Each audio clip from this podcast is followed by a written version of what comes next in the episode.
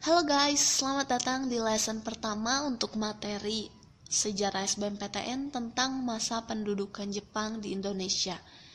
Kali ini di lesson pertama ini aku bakalan jelasin satu materi tentang latar belakang dan proses pendudukan Jepang di Indonesia. Jadi di uh, lesson ini aku bakalan jelasin tentang kenapa sih bisa Jepang uh, menduduki Indonesia, kenapa juga bisa uh, Jepang ini jadi menjajah Indonesia dan kenapa rakyat Indonesia ini fine fine aja gitu dan segala macamnya kenapa awal mula Jepang bisa menjajah Indonesia. Oke, okay. uh, kalian udah siap kan dengerin materi ini, dengerin lesson ini? Kalau udah siap, uh, langsung pasang telinga, uh, pasang juga fokus kalian supaya serius uh, nontonin video ini, oke? Okay? oke, okay. Jadi di sini aku bakalan jelasin dulu gimana sih awal mula kedatangan Jepang ke Indonesia. Jadi yang pertama, sebenarnya alasan kenapa Jepang datang ke Indonesia itu karena kebutuhan mereka. Mereka itu butuh minyak bumi untuk kebutuhan perang. Nah, saat itu uh, di udah tau lah ya kalau misalkan keadaan dunia saat itu tuh lagi apa ya chaos banget gitu. Banyak banget perang perang perang dunia perang dunia uh, kedua gitu.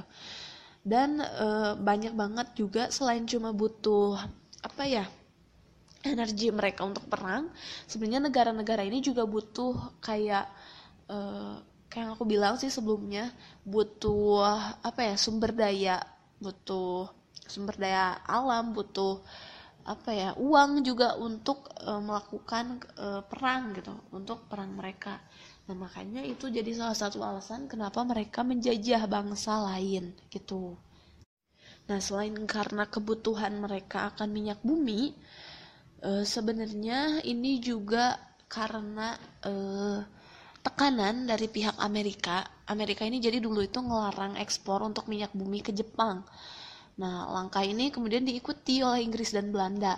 Dan akhirnya keadaan ini tuh mendorong Jepang untuk mencari sumber minyak buminya sendiri. Dan akhirnya eh, di tanggal 1 Maret 1947 Jepang ini mulai mendarat di tiga tempat di Pulau Jawa. Di Banten, di Indramayu, dan di Rembang. Nah, masing-masing ini uh, mereka kayak bawa satu divisi untuk ke Jawa untuk ke di, di Banten di Indramayu di Rembang ini. Nah awalnya sih misi utama dari pendaratan ini tuh cuma untuk mencari bahan-bahan keperluan perang jadi untuk memenuhi kebutuhan mereka aja. Tapi ternyata pendaratan dari Jepang ini disambut antusias oleh rakyat Indonesia. Jadi kedatangan Jepang itu saat itu e, memberi harapan baru buat rakyat Indonesia yang lagi benci-bencinya sama Belanda gitu. Jadi eh, nggak e, ada dukungan terhadap perang gerilya yang dilakukan oleh Belanda dalam mempertahankan Pulau Jawa. Itu jadi alasan e, Jepang itu mudah untuk mendarat di Indonesia gitu. Dan akhirnya melalui Indramayu dengan cepat Jepang berhasil merebut pangkalan udara Kalijati untuk dipersiapkan sebagai pangkalan pesawat. Hingga akhirnya lahir dah lahirlah perjanjian ini, perjanjian Kalijati. Jadi perjanjian Kalijati itu apa? Perjanjian Kalijati itu adalah satu kesepakatan diplomasi yang cukup penting, sangat penting sepanjang sejarah tanah air jadi perjanjian tersebut adalah perjanjian yang dilakukan oleh Jepang dan Belanda ketika berada di Indonesia, tepatnya di Kalijati. Kenapa namanya dinamain Kalijati? Karena itu mengambil tempat di Kalijati, sebuah daerah di Subang. Dan di perjanjian Kalijati itu ada beberapa kesepakatan kalau akhirnya Belanda menyerahkan uh, Jepang eh Belanda menyerahkan Indonesia kepada Jepang gitu jadi uh, banyak banget perjanjian-perjanjian yang penting untuk rakyat Indonesia ketahui dan salah satunya itu perjanjian ini. Jadi di waktu itu Jepang menganggap dirinya sebagai pemimpin dunia gitu. Jepang akhirnya e, menyerang pangkalan angkat la angkatan laut Amerika di Pearl Harbor. Dan e, secara mendadak tanpa adanya pernyataan perang sebelumnya. Dan akhirnya ini pun mendapat kecaman serius gitu dari e, dunia internasional. Saat itulah Jepang baru menyatakan perang kepada Amerika gitu. Jadi ini alasan yang melatar belakangi kenapa lahirlah perjanjian Linggarjati itu. Nah, jadi uh, perjanjian Kalijati itu upaya diplomasi yang dilakukan uh, pihak Belanda akibat kekalahannya terhadap Jepang. Jadi salah satu isinya itu uh, Belanda menyerahkan wilayah jajahan atas Indonesia kepada Jepang tanpa syarat. Terus juga Jepang uh, membentuk pemerintahan militer yang terdiri dari pemerintahan tentara ke-16, ke-25 dan uh, berikutnya ada bakalan aku jelasin di lesson-lesson berikutnya. Oke. Okay. Jadi sejak saat itu, sejak ditandatanganinya perjanjian Kalijati, resmi Jepang menguasai Indonesia. Jadi itu awal mula kenapa bisa sih Jepang itu menguasai Indonesia. Ya. Jadi ini uh, perjanjian Kalijati gimana bisa terjadinya ini nah ketika Jepang ini menguasai Asia Jepang ini berhasil menghancurkan uh, Pearl Harbor dan jadi Jepang ini melawan dominasi dari kolonialisme Barat yang sebelumnya uh, dilakukan gitu.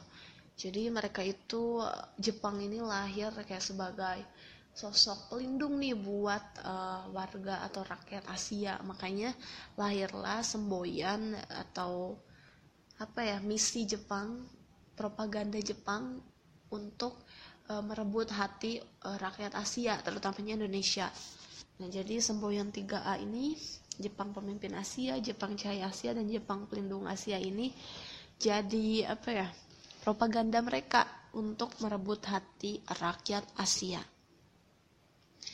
Nah, kenapa sih Jepang ini menguasai Indonesia? Ada beberapa tujuannya. Yang pertama karena mereka ingin menjadikan Indonesia sebagai daerah penghasil dan penyuplai bahan mentah dan bahan bakar bagi kepentingan industri Jepang. Jadi seperti yang aku bilang sebelumnya, selain untuk perang juga ternyata mereka itu punya tujuan lain, yaitu untuk uh, kepentingan industri mereka, untuk membangkitkan industri uh, mereka gitu. Yang kedua, mereka pengen menjadikan Indonesia itu sebagai tempat pemasaran hasil industri Jepang. Jadi setelah mereka dapat bahan-bahan dari Indonesia, akhirnya mereka olah oleh mereka dan Indonesia ini dijadikan pasar oleh mereka. Sebenarnya ini masih terjadi juga uh, sampai detik ini. Jadi uh, sumber daya kita diambil lalu diolah sama mereka tapi dijual lagi ke kita dengan harga yang berlipat-lipat-lipat ganda. Oke. Okay. Yang ketiga, mereka ingin menjadikan Indonesia sebagai tempat untuk mendapatkan tenaga buruh yang banyak dengan upah yang relatif murah. Jadi selain mereka mengambil sumber daya alamnya, mereka ambil sumber daya manusianya, dan nanti setelah diolah, setelah jadi mereka jual ke Indonesia. Begitu. Dan yang keempat, tujuannya itu untuk mengeksploitasi secara besar-besaran sumber daya alam dan sumber daya manusia di Indonesia. Jadi sebenarnya tujuan Jepang ini lebih ke uh, apa ya menjajah itu untuk kebutuhan mereka sendiri untuk membangkitkan industri mereka sendiri gitu. Jadi ini beberapa tujuan kenapa Jepang e, masuk ke Indonesia kenapa Jepang menguasai Indonesia. Jadi sebenarnya intinya itu karena mereka ingin menguasai sumber daya alam sumber daya manusia di Indonesia dan memasarkan produk mereka ke Indonesia gitu. Oke? okay? Nah, mungkin segitu dulu aja materi tentang latar belakang dan uh, tujuan serta proses gimana masuknya Jepang ke Indonesia. Semoga bisa dimengerti dan dipahami. Next, aku bakalan jelasin tentang pemerintahan di masa kolonialisme Jepang. So, make sure untuk tetap tonton video-video dari channel aku. Jangan lupa juga share dan subscribe, like juga. Sampai jumpa di lesson berikutnya. I'll see you next time. Bye bye.